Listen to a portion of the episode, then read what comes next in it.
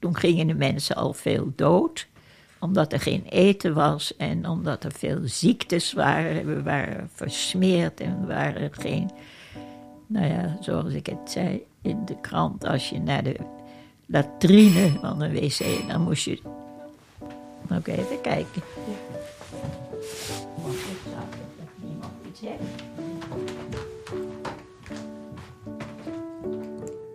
Ik zei, kom straks maar terug. Want ik, ik, ik moet nou een podcast maken. Heel goed. Ja, Heel kijk. goed, maar af. Ja. Ja. Nou, waar gaan we?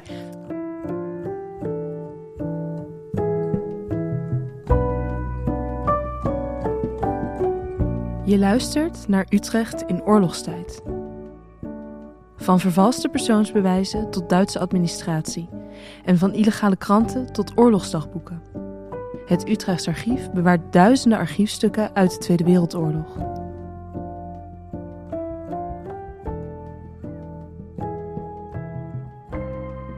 Ik ben Meerte en samen met mijn collega Kathleen ga ik in gesprek met ooggetuigen, nabestaanden en experts op zoek naar de verhalen die schuilgaan achter deze collectie. In deze aflevering bespreken we de Jodenvervolging. We willen weten hoe Joodse Utrechters uit de maatschappij worden verdreven en hoe dat langzaam maar zeker doordringt tot de stad en haar bewoners.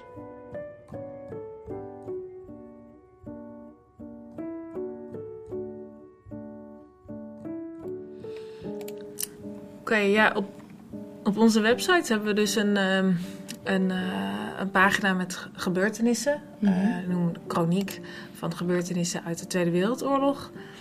En eh, geven eigenlijk per datum aan, soms gekoppeld aan een krantenbericht, ehm, wat er gebeurt in de stad.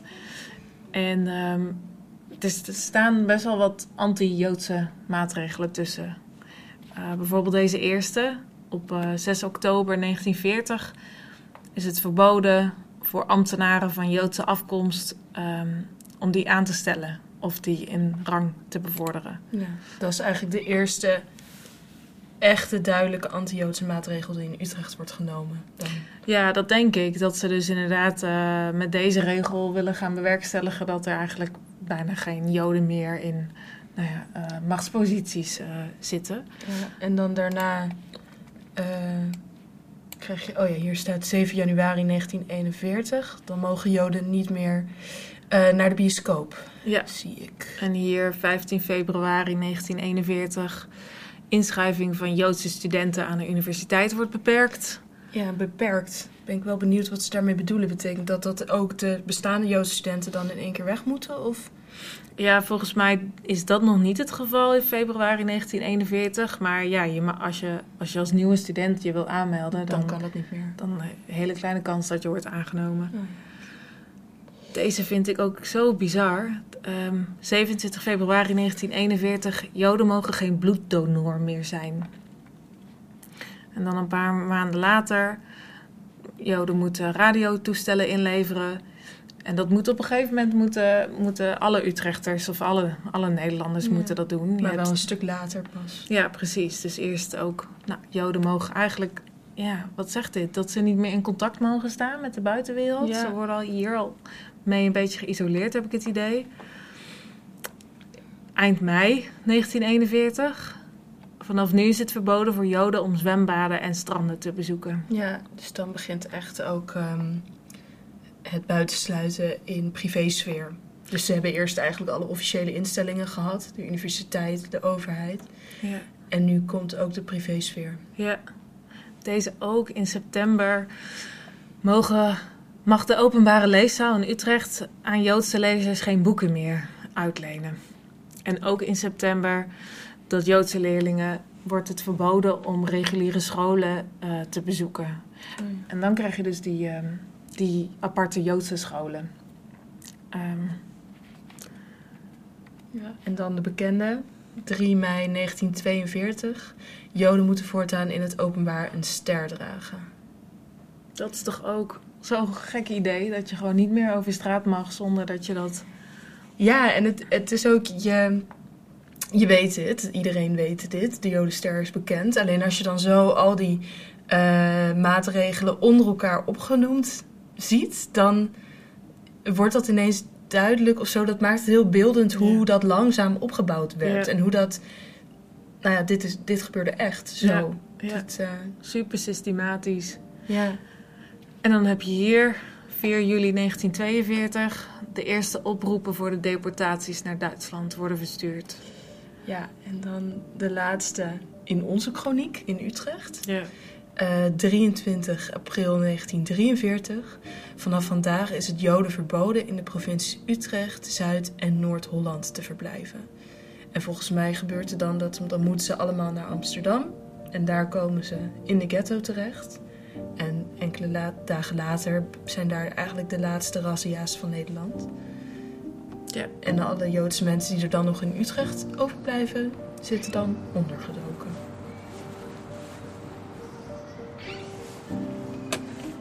Nou, jullie zijn ook keurig op tijd, hè? Keurig op tijd, toch? Kathleen en ik zijn op weg naar een bijzondere ontmoeting. We gaan naar de inmiddels 96-jarige Rosetta Andriessen. In 1939, kort voor de oorlog begint, verhuizen zij en haar gezin van Deventer naar Utrecht. Haar vader denkt dat het veiliger is achter de waterlinie. Rosetta vertelt ons in deze aflevering hoe zij als Joodse tiener de vervolging van haarzelf en van haar familie en vrienden heeft doorgemaakt.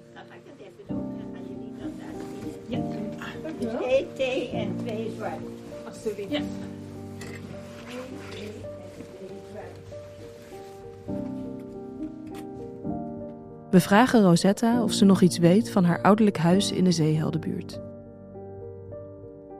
Ik ben er wel niet meer, eh, nooit echt terug geweest, maar ik weet het nog heel erg goed dat het eh, een mooi huis, zo- zo- zo'n huis in zo'n straat, weet je, met een paar, twee, drie tapjes op. Ja, gewoon zoals een mooi huis. Dat, ik weet nog dat je twee, twee kamers had en dan zat er aan de achterkant een mooie tuin. En dan had je dan zo'n overdekt eh, balkon eigenlijk nog. Een terras zou je dat tegenwoordig noemen. Nou ja, verder was het gewoon zo'n, wat je tegenwoordig noemt, een, een mooi heer, herenhuis. Ieder, ieder kind had zijn eigen kamertje. De kamer van mijn vader en moeder. We hadden een, een dienstbode die ook nog inwonend was. En, en verder, eh, ja, gewoon eh, een, een badkamer met bad. En, eh, dus dat is gewoon een mooi huis, zeker voor die tijd. En, en met zo'n paar trappetjes omhoog. En dan had je gewoon de gang en de kamers. En dan naar boven. En dan had je een mooie tuin erachter. Dus daar hebben we gewoond. eh, ja, tot we eruit moesten.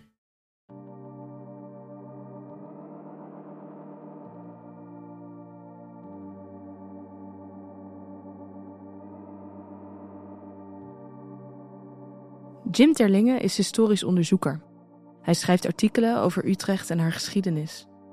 Hij werd gegrepen door het Joodse verleden van Utrecht toen hij ontdekte dat er op de vismarkt, waar hij woonde, een Joods gezin leefde dat tijdens de oorlog gedeporteerd en vermoord is.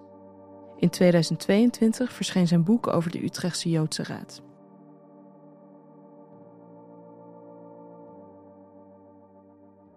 Die, in de jaren dertig bestond Nederland uit zuilen. Eh, je had de katholieke zuil, je had de protestante zuil. Dat, zo was het een beetje Nederland-Utrecht ook georganiseerd. En er liep ook een, klein groepje doorheen, zo'n 1% ongeveer van de Utrechtse bevolking. Dat waren de Joodse Utrechters, Joden. En die hadden ook een soort zuiltje. Die hadden een eigen eh synagoge en een eigen winkels. Op de springweg, de synagoge. Ja, dat klopt. Die zitten nog steeds. Tenminste, het gebouw staat er. Nou, ze hebben nog steeds een klein eh, ruimtetje trouwens. Ja. Nou, dat was een beetje zo de, eh, de, de wereld dat ze, ze functioneerden zo tussen de andere zuilen in. Ze gingen wel naar openbare scholen. Zoals eh, katholieken hadden bijvoorbeeld katholieke scholen en protestanten hadden protestantse scholen. Maar eh, Joden hadden dat niet. Ze hadden ook geen eigen vakbonden of zo. Het was een kleine groep binnen de Utrechtse gemeenschap. En hoe was dan de sfeer in aanloop naar die oorlog? Want er waren mensen die het al voelden aankomen. Er waren ook vast mensen die dat totaal niet door hadden. Er waren Hoe- veel vluchtelingen ook natuurlijk Ja, vanuit Duitsland klopt, en klopt, eh, klopt. Oostenrijk. Uh, nou ja, uh, in Duitsland is het dan in 1933 dat Hitler uh, de, de, macht grijpt. En onmiddellijk maatregelen invoert. Omdat hij met een waanbeeld leeft dat de Joden een, een, volk is wat vernietigd moet worden. Of wat, ja, dat dringt wel door hier. Maar aan de andere kant, het is geen, er is geen internettijd of zo. Dus je leest via kranten, lees je er iets over. Het stond ook nog op een redelijke afstand. Totdat inderdaad, je noemde vluchtelingen al, de vluchtelingen ook deze kant op kwamen. Waardoor al die maatregelen in Duitsland uh, kozen veel het hazenpad. Toen werden hier de verhalen wel concreter. Maar toch heb ik het idee dat er toch nog veel werd gedacht van, ah, dat is ver weg of zo. De Duitse Joden hier in, in, in Nederland, die wisten wel wat, wat er ging gebeuren.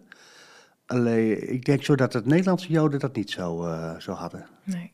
Um, en dan dus die anti-Joodse maatregelen, dan is het wel een moment dat elke Joodse Utrechter te maken krijgt met ik mag ineens dingen niet meer doen. Kun je eens een schets geven hoe dat zo vanaf 1940 in Utrecht zichtbaar wordt?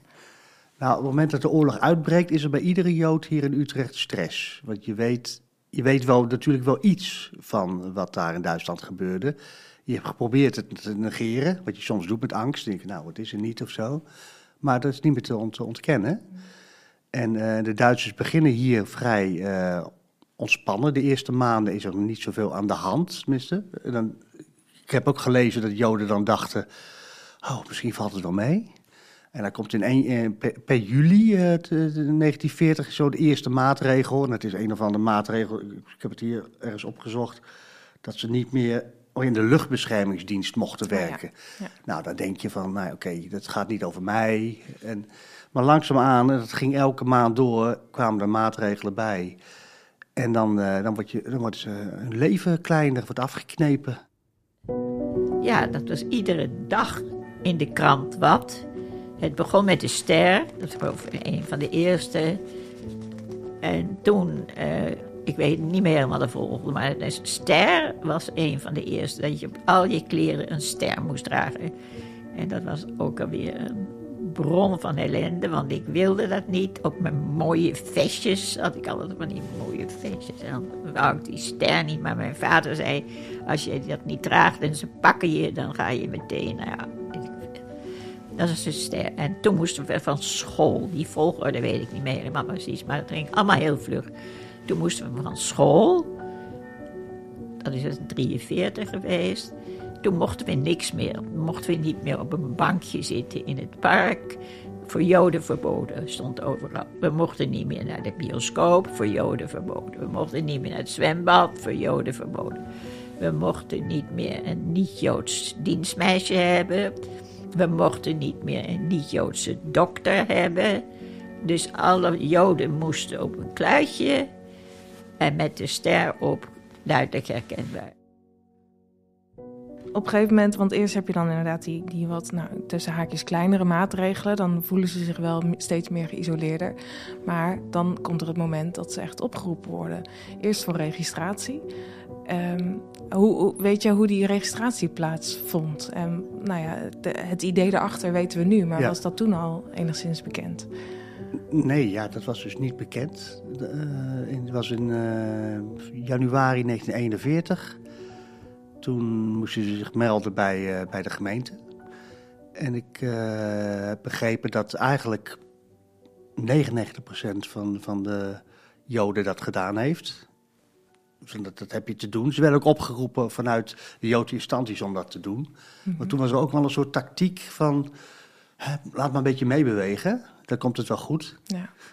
Uh, en nou, dan kregen ze dan ook een persoonsbewijs met een dan J erin. Mm uh, dus, uh, dus zo, dat was het begin. En de, de, Duitsers hadden een plan. Een maand later hebben ze geëist dat de Joden een soort vertegenwoordiging oprichten. Dat was dan de Joodse Raad. Een maand later in, in februari 41 ja, dus, ja. klopt. En waarom deden ze dat dan? Nou, ze wilden, uh, Duitsers zijn ook vrij hiërarchisch gesteld. Ze wilden gewoon één aanspreekpunt, een soort ministerie namens de Joden, die het wel zouden doorvertellen aan, uh, aan de rest van de, van de bevolking. En achteraf kan je er een hoop van bedenken, van dat hadden ze nooit moeten doen. En het was, ze werden gewoon in de tang genomen. De Maar, Joodse eh, raad zelf, Ja, ja, ja, ja, de Joodse bevolking. werd Ja. door- maar eh, dat werd, eh, ja, dat, dat probeerden ze. En toen is er in Amsterdam een eerste Joodse raad gekomen. En die kreeg later afdelingen, waaronder ook in Utrecht. En eh, op die manier, eh, maar er werd, op die manier werd het, werd het georganiseerd. En ze werden ook verplicht om, om een administratie bij te gaan houden. Dus van elke Joodse bewoner van Nederland was er een kaart. Dat is de Joodse kartotheek heet dat dan. Daar werd alles bijgehouden over Joodse Nederlanders. Waar ze, waar ze wonen, waar ze verhuisden. Eh, of ehm, als ze bijvoorbeeld een to- toestemming kregen, of een sperre heet dat dan. als je een soort uitstel van deportatie. Op grond van de Joodse kartotheek eh, moest de Joodse Raad hier in Utrecht eh, namens Duitsers die oproepen versturen. En dat deden ze. Ze hebben brieven gestuurd naar die adressen die daarop stonden. Want de Joden moesten zich officieel melden eh, voor zogenaamd werkverruiming in Duitsland. Een of ander kamp waar ze dan moesten werken, werd hun verteld. Eh, nou, de- ze voelden wel aan, dat is geen goed nieuws. En, eh, maar wat er precies inhield, dat was nog onduidelijk. En sommigen wilden ook dat niet. Eh, er zijn natuurlijk ook Joden die zeggen onderduiken. Eh, Er zijn Joden die ook in die onderduik weer ook verzet zijn gaan plegen. Er zijn Joden die ook geprobeerd hebben nog te vluchten. Ik bedoel, het was een stuk, een stuk moeilijker. 1940, net die meidagen, had je nog een beetje kans. Maar het is ook wel gebeurd. Ik ken verhalen van eh, Joden die ook nog, eh, het nog gelukt is om, eh, om naar eh, bevrijd gebied te komen via Frankrijk en Spanje. En dan, ja. Dus het, kan, het kon wel, maar het was één grote paniekvoetbal, paniekgedoe. Ja. Ja. En veel Joden zijn ook in Amsterdam eerst terechtgekomen, in de ghetto daar. Hoe gebeurde dat? Ehm, dat is iets later geweest. Dan kregen ze de ka- kans om te mogen verhuizen naar Amsterdam. En eh, eh, dat, was, dat was een soort calculering, van, of eh, een soort berekendheid van... Goh, wat maken we nou? Maar, ja, als we nou naar Amsterdam, dan zit je veiliger. Het was ook een tijd dat er veel werd gesmoest of, veel, eh, hoe ik zeggen... Via geruchten hoorde je dingen. En dan was het ook wel het argument, wat ik heb, gelezen, is dat, als je naar Amsterdam gaat, dan zou je veiliger zijn dan hier. Dus dan werd, dan verhuisden ze daar naartoe. Eh, en als je, als je dat niet deed, bleven ze dan hier. En dan kregen ze uiteindelijk de, laatste oproep, dat was in april 1943. En dat was dan eigenlijk de oproep waarna Utrecht zogenaamd Jodenrein, Joden vrij zouden zou, zou zijn. met die eh, onderduiken. Dat is aan de orde geweest, maar mijn vader voelde daar dus niet voor en mijn moeder wel. Nou ja, dat was toch allemaal niet zomaar van, nou, dat doen we even. Dus dat is toen niet, niet doorgegaan. En, en, en dat is dus wat ik altijd riep, eh, ik, ga, ik ga onderduiken. Nou, dat deed ik dan ook. In april 1943 verhuisden Rosetta en haar gezin naar Amsterdam. Daar worden haar ouders, broer en zus opgepakt. Maar Rosetta weet zich te verstoppen in een kruipruimte. En dan blijft ze in haar eentje achter. Ik kreeg dan keurig bericht dat vanavond eh, zet je tasje maar klaar. Vanavond word je uit huis gehaald. En zo hebben ze al die straten leeggemaakt. En toen heeft u zich nog verstopt, hè? Toen. eh, Ja, toen dacht ik, eh, had ik dat zelf voor mezelf bedacht. Ik, ik, ik ga niet mee, ik doe het niet. En toen heb ik gekeken en dat waren hele ja, mooie huizen wel, maar eenvoudig, maar voor die tijd heel mooi. En dan had ik ontdekt dat je in de gang, dat heb je tegenwoordig niet meer. Eh, ja, daar achter de deur zit ook nog bij mij nu nog zo'n luik, daar zit nog de waterleiding. Ja. Maar je had dat toen, dat het helemaal zo'n mangat noemden ze dat. ja. En daar, daar, daar, daar kon je inkruipen en daar zat geloof ik dan de riolering en de buizen, weet ik veel. En dat had ik bekeken. En ik dacht, ik, daar pas ik wel in, want ik was, niet, ik was altijd ik, klein en, en dunnetjes gewoon. En dan geoefend en dan, dan kon je dat luik gewoon dicht doen en kon je het weer open duwen.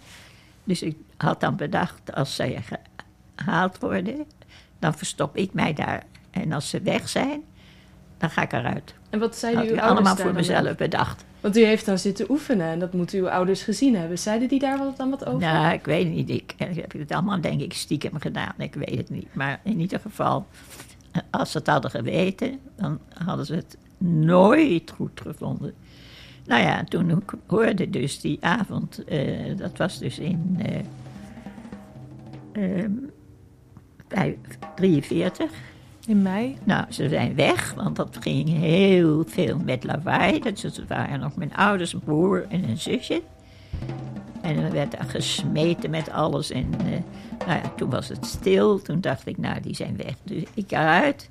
En toen kwam ik in de kamer en daar lag alles overhoop. Alle laadjes, alle deurtjes, alles opengetrokken, alles op de grond geflikkerd.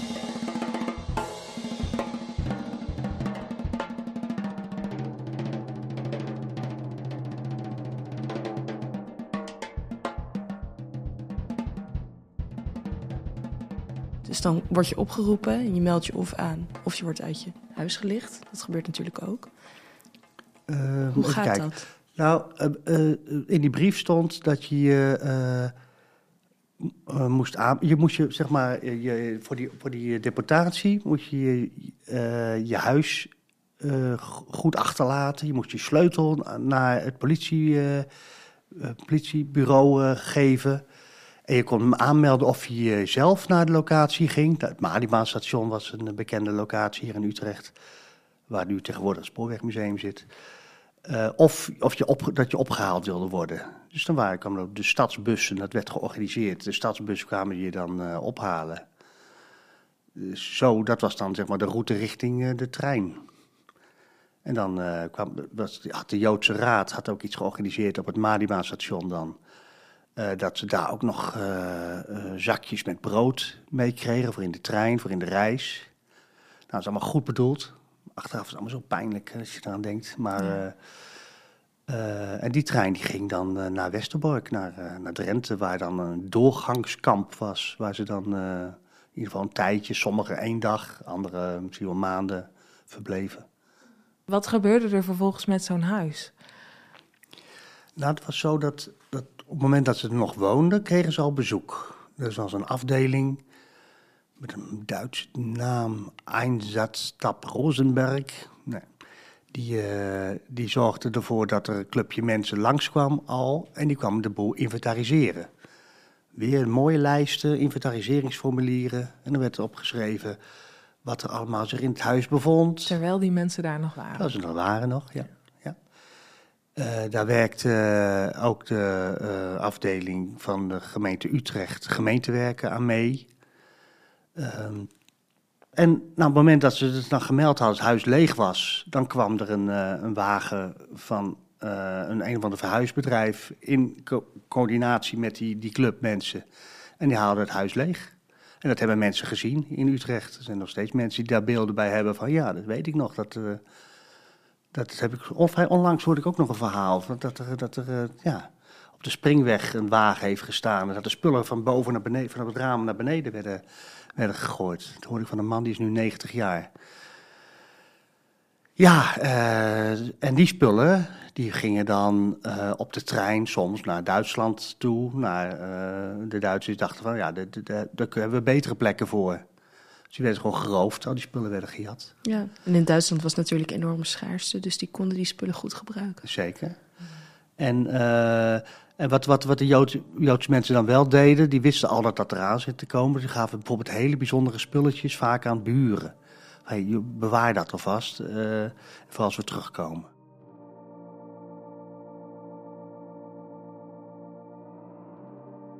Nadat ze zich heeft verstopt in het huis in Amsterdam, besluit Rosetta om terug te gaan naar Utrecht.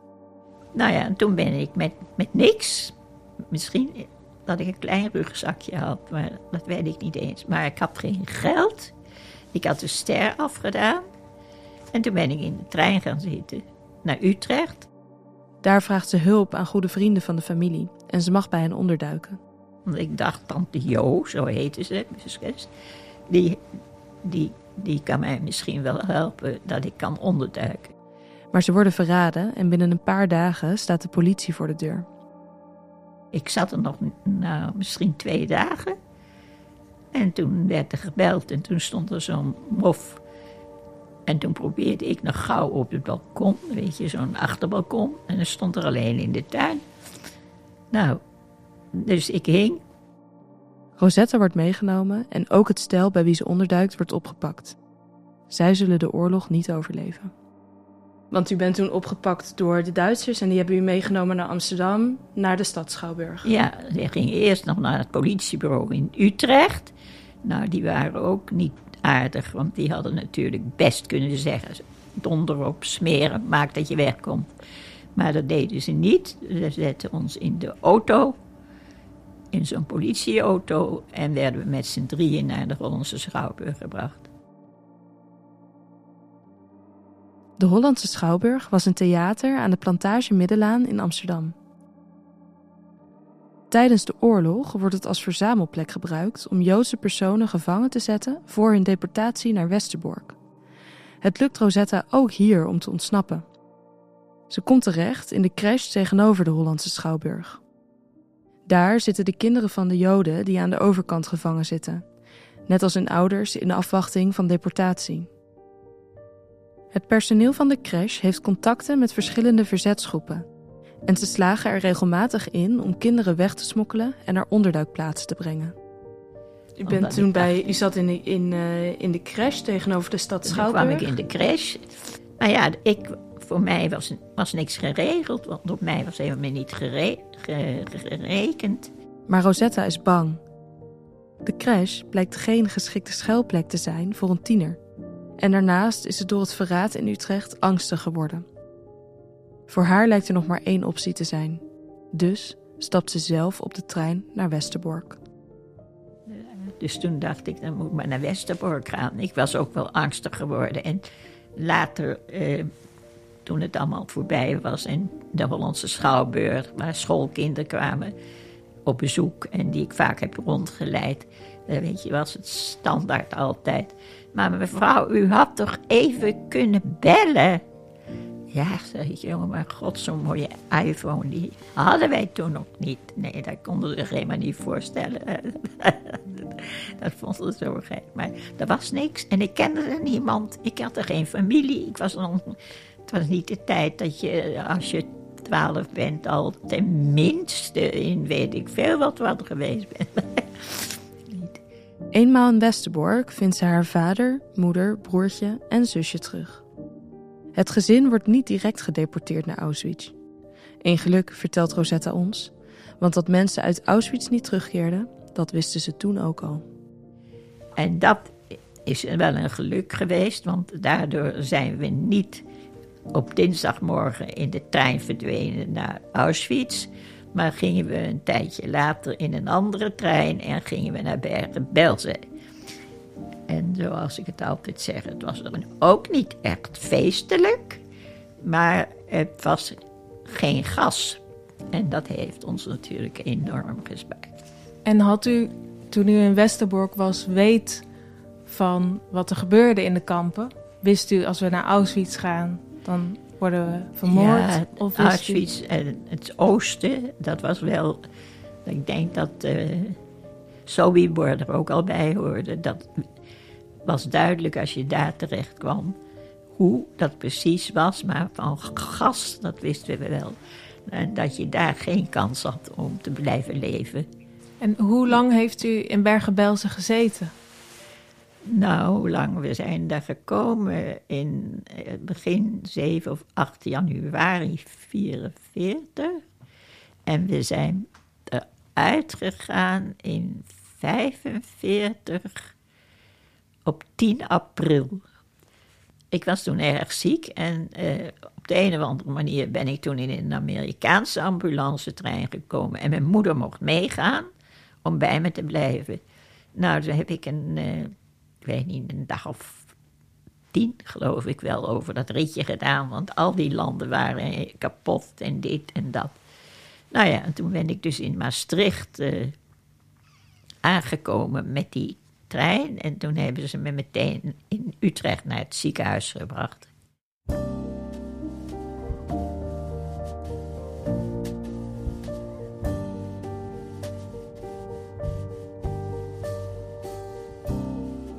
Vaak werden ze in uh, bijvoorbeeld in Maastricht of in Eindhoven kwam je dan zo'n beetje. Je kwam de grens over en dan was de eerste plek waar ze dan weer uh, uh, werden verzameld. En dat beeld daar, dat is vrij droevig. Zie uitgemergelde mensen die dan ook nog eens ontsmet worden. Want je moest zeker zijn dat er geen ziektes mee, met ze meekwamen. En als ze daar dan na een tijdje waren, dan konden ze door naar naar, naar de plek waar ze dan uh, gewoond hadden. En dat is vaak ook individueel uh, gedoe. Dus uh, dan, dan, ga je in je eentje met de trein door. Dan krijg je wel een gratis kaartje of zo. Dus dan, komt dan iemand naar Utrecht. Dan ben je op zoek hier naar het station. Dan kom je het station. Dan denk je, ja, wie ken ik hier nog? En dan ga je naar waar je denkt dat, dat nog iemand nog is. Zo is het vrij individueel geregeld hier. Ja, ja want de Joodse Raad zelf was uiteindelijk ook gedeporteerd, opge, opgeheven. En, want dat was natuurlijk in de oorlog een beetje de steun en waar je als, als Jood naartoe ging. Maar dat is na de oorlog niet meer. Maar er wordt, er wordt wel ook de Joodse Coördinatiecommissie opgericht. en is dat misschien ook een plek geweest waar Nou ja, je in eerste instantie naartoe kon? Ja. ja. Nou, je zegt de Joodse Raad is uh, gedeporteerd. Dat was zo in Amsterdam. Uh, maar in Utrecht mochten er twee, uh, officieel namens de, de, de, Duitsers, mochten er twee mochten hier blijven in Utrecht. Waarvan eentje uiteindelijk nog alsnog is opgepakt. Maar we hebben de voorzitter van de Joodse Raad, dat was meneer De Haas. Die is uh, altijd in Utrecht gebleven. En die is ook daarna, bij de, na de bevrijding, leidde hij meteen de vergadering van de Joodse gemeente. Om weer, de nieuwe, om weer een krachtige nieuwe organisatie op te richten. Uh, dus in zoverre was er altijd wel iets van een organisatie. Uh, maar dat was ook uh, ja, chaos natuurlijk. Ja. ja, en er kwam inderdaad, wat je zei, de Joodse coördinatiecommissie. Dat we, vanuit alle kanten werd er geprobeerd weer de boel op te bouwen. En ik heb dan begrepen dat die Joodse coördinatiecommissie, die is gefinancierd door buitenlands geld, door Amerikaans geld. was het een club die, die probeerde de Joden hier op te vangen en uh, kredieten te geven en kleding uh, ook te verzorgen. Dus dat was dan een plek waar je dan naartoe kon. Ja. En die zat dus weer op de Springweg in datzelfde gebouw waar voor de oorlog de Joodse gemeente zat, tijdens de oorlog de Joodse Raad en daarna kwam het de Joodse Coördinatiecommissie. Dus altijd die, die, die, plek op de Springweg is het centrum geweest ja. van... Uh, ja. ja. Het houdt zeg maar niet op dan na die bevrijding. Het is, het is heel veel mensen, er zijn verhalen van mensen die hebben ondergedoken gezeten, niet een kamp hebben meegemaakt, maar die alsnog enorme traumatische ervaringen na de bevrijding meemaken. En uh, ja. het speelt nog steeds zo, zo door, tot, ja, tot nu nog eigenlijk, denk ik. Nou, ik heb, er is een, uh, is een boekje, dat heb ik hier ook voor me liggen, dat is van Isaac Lipschitz. Dat heet De Kleine Shoah.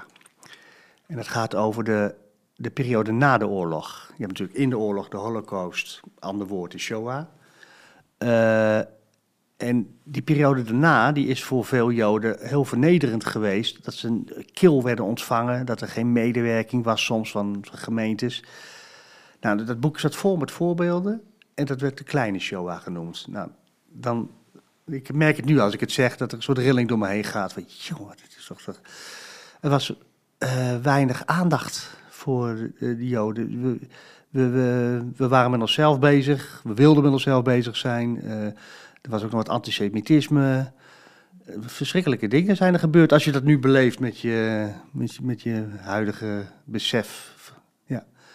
Uh, mensen die uh, niet meer in hun woning mochten waar ze eerst zaten.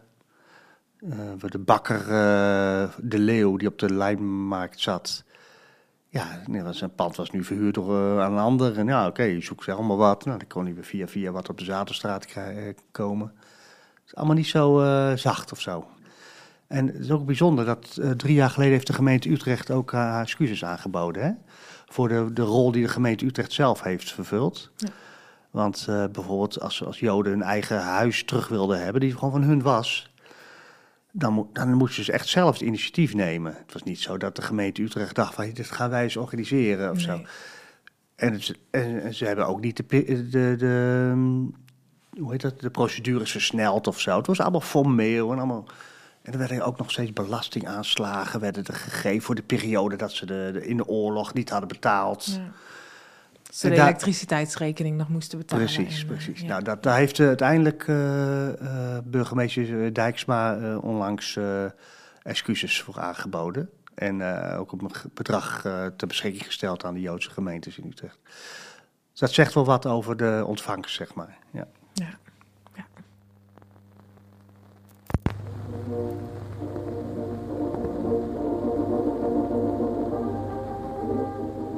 Vijf lange jaren gingen voorbij.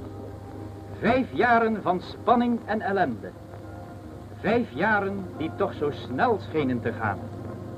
Jaren van bedrog en corruptie, van verraad en provocatie. Jaren van honger en koude, van dood en misère. De overlevenden keerden terug, beroofd van haven en goed, beroofd van letterlijk alles en moeten geholpen worden. Dat is onze vaderlandse plicht. Daarom werd Nederlands volksherstel in het leven geroepen. Nederlands volksherstel zorgt voor de ex-politieke gevangenen, de illegale werkers, de opgedoken onderduikers en de gedeporteerden. En helpt waar nodig hun leed verzachten. Nederlands volksherstel staat klaar voor hen, zodra zij in Nederland aankomen. Nederlands volksherstel zorgt voor voedsel, kleding, huisraad, dekking, huisvesting, kinderuitzending. En verleent indien noodzakelijk hulp, zowel financieel als op ander gebied. Nederlands volksherstel zorgt, zorgt voor alles, opdat ons volk zich weer kan verheffen en ons land zal herrijzen opdat Nederland weer groeien en bloeien.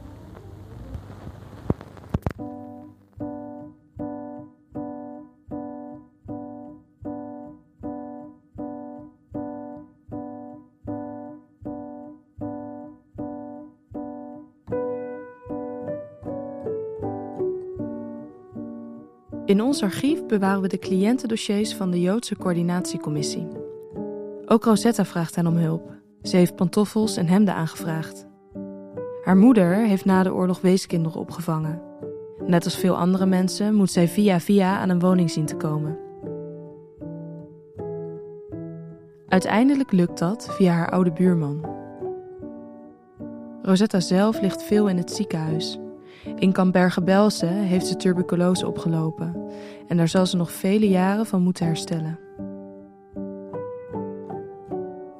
Roze Heijmans, Japon ondergoed. Mirjam Andriessen, zijn eigen dochter. Ted Andriessen, dat ben ik. Snap je? Weet je wie die kinderen zijn? Nou, Deze, kijk.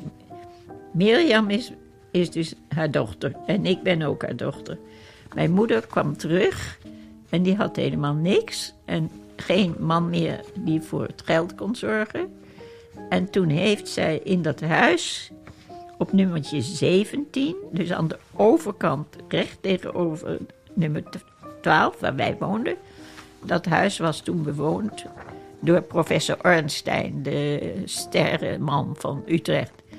En, daar, en wij toen, toen we terugkwamen, gaan wonen. Totdat we weer, ik weet niet. Maar daar hebben we, nee, dit- het was een groter huis dan ons huis. En daar heeft mijn moeder die kinderen die ze noemt, Klaasje en Helena en Mia en Rachel. Dan heeft ze allemaal kinderen die oorlogspleegkinderen in huis gehad. En die heeft ze verzorgd en die bij ons gewoond en daar kreeg ze geld voor. En eh, van dat geld heeft ze een beetje kunnen leven, want ze had niks en moest wat verdienen. Maar dat ze er ook allemaal kleren voor heeft aangevraagd. Ja, niemand had meer wat. Wij waren natuurlijk straatarm. Ik bedoel, het beetje wat je had bezeten aan geld en dingen, het was allemaal weg. Het was allemaal gestolen, weg. Ja, als je dan geen man had en eh, vrouwen verdienden toen niet zelf. En toen heeft ze die kinderen naar huis genomen. Want kreeg Ja. heette dat. En daar werd ze voor betaald. want u kreeg eh, dus hulp van de Joodse coördinatiecommissie en van het Volksherstel. Ja. Maar was, had u verder het idee dat u geholpen werd? Werd u goed ontvangen na de oorlog? Ja, wat moet ik zeggen? Kijk, dan kan je toch niet verder kijken dan jezelf, hè? En dan is het wel, want ik ben bij die tante eh, eh, van der Linde gekomen en die, die, die had gezorgd dat ik de volgende dag in het diakonessenhuis lag. En eh, later, toen het weer niet goed ging en ik weer opnieuw naar het ziekenhuis moest, toen werd ik weer, hupsakee, lag ik in het Antonius. Maar verder is het, eh, ja, maar in het algemeen genomen, maar dat gaat niet over mijzelf. Ik heb zo'n tijd in een commissie gezeten, naderhand, eh dat Wim Kok nog allemaal geregeld. Waar mensen mochten vertellen hoe ze zijn opgevangen. Nou, dat was wel heel vreselijk hoor. Heel veel vrouwen die helemaal alleen terugkwamen. En moesten horen dat ze niks meer hadden. Geen huis, geen geld, geen kind, niks. Die zijn niet altijd leuk ontvangen. En daar moest ik mee praten en zeggen: er is nu een commissie waar je mee, die zich met jou eh, in verbinding kan stellen en kan helpen, dat je wat geld krijgt. En dat is, maar dat is dus niet mijzelf, maar dat SOPO heette dat toen een tijd. Dat was, eh, en dat, daar heb ik veel gehoord, dat ik dacht, god, god, wat heb ik dan eigenlijk meegemaakt? Niks. Vrouwen die helemaal alleen terugkwamen, alles weg. En ook niet een woordje, taaltje van iets spraken, niks.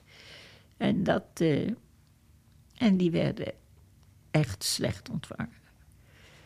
Nou ja, goed. En de, je, je weet dat, dat de mensen moesten betalen eh, voor het licht. Ja, maar ik was in Auschwitz en ja, moesten we het licht toch niet betalen.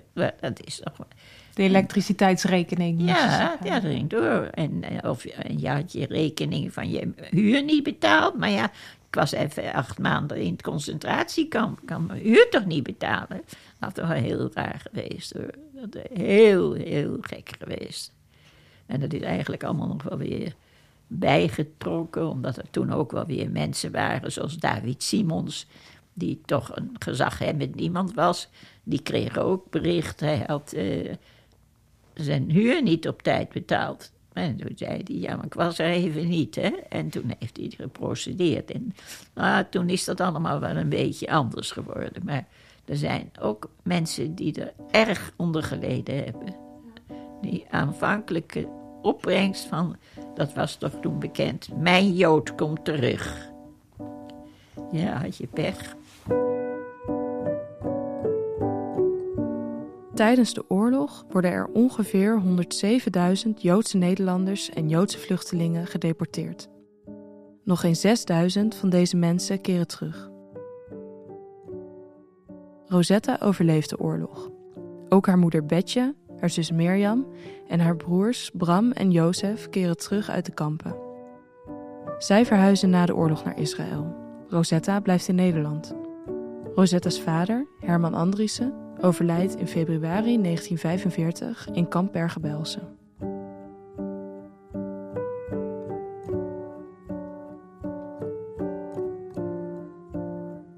Bedankt dat je hebt geluisterd naar Utrecht in oorlogstijd. In deze podcast gaan we op zoek naar de verhalen achter de collectie van het Utrechts Archief. In de volgende aflevering hoor je meer over het verzet. Abonneer je in je podcast-app om geen enkele aflevering te missen.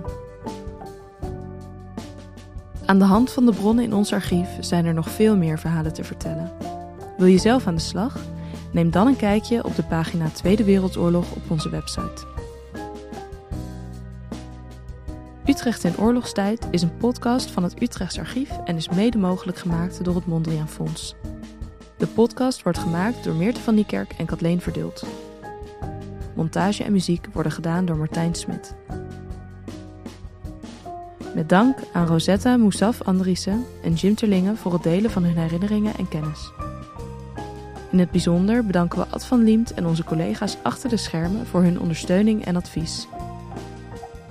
De muziek is opgenomen in Tremor Studio in Hilversum met Ab Verhoeven en Daan Kandelaars.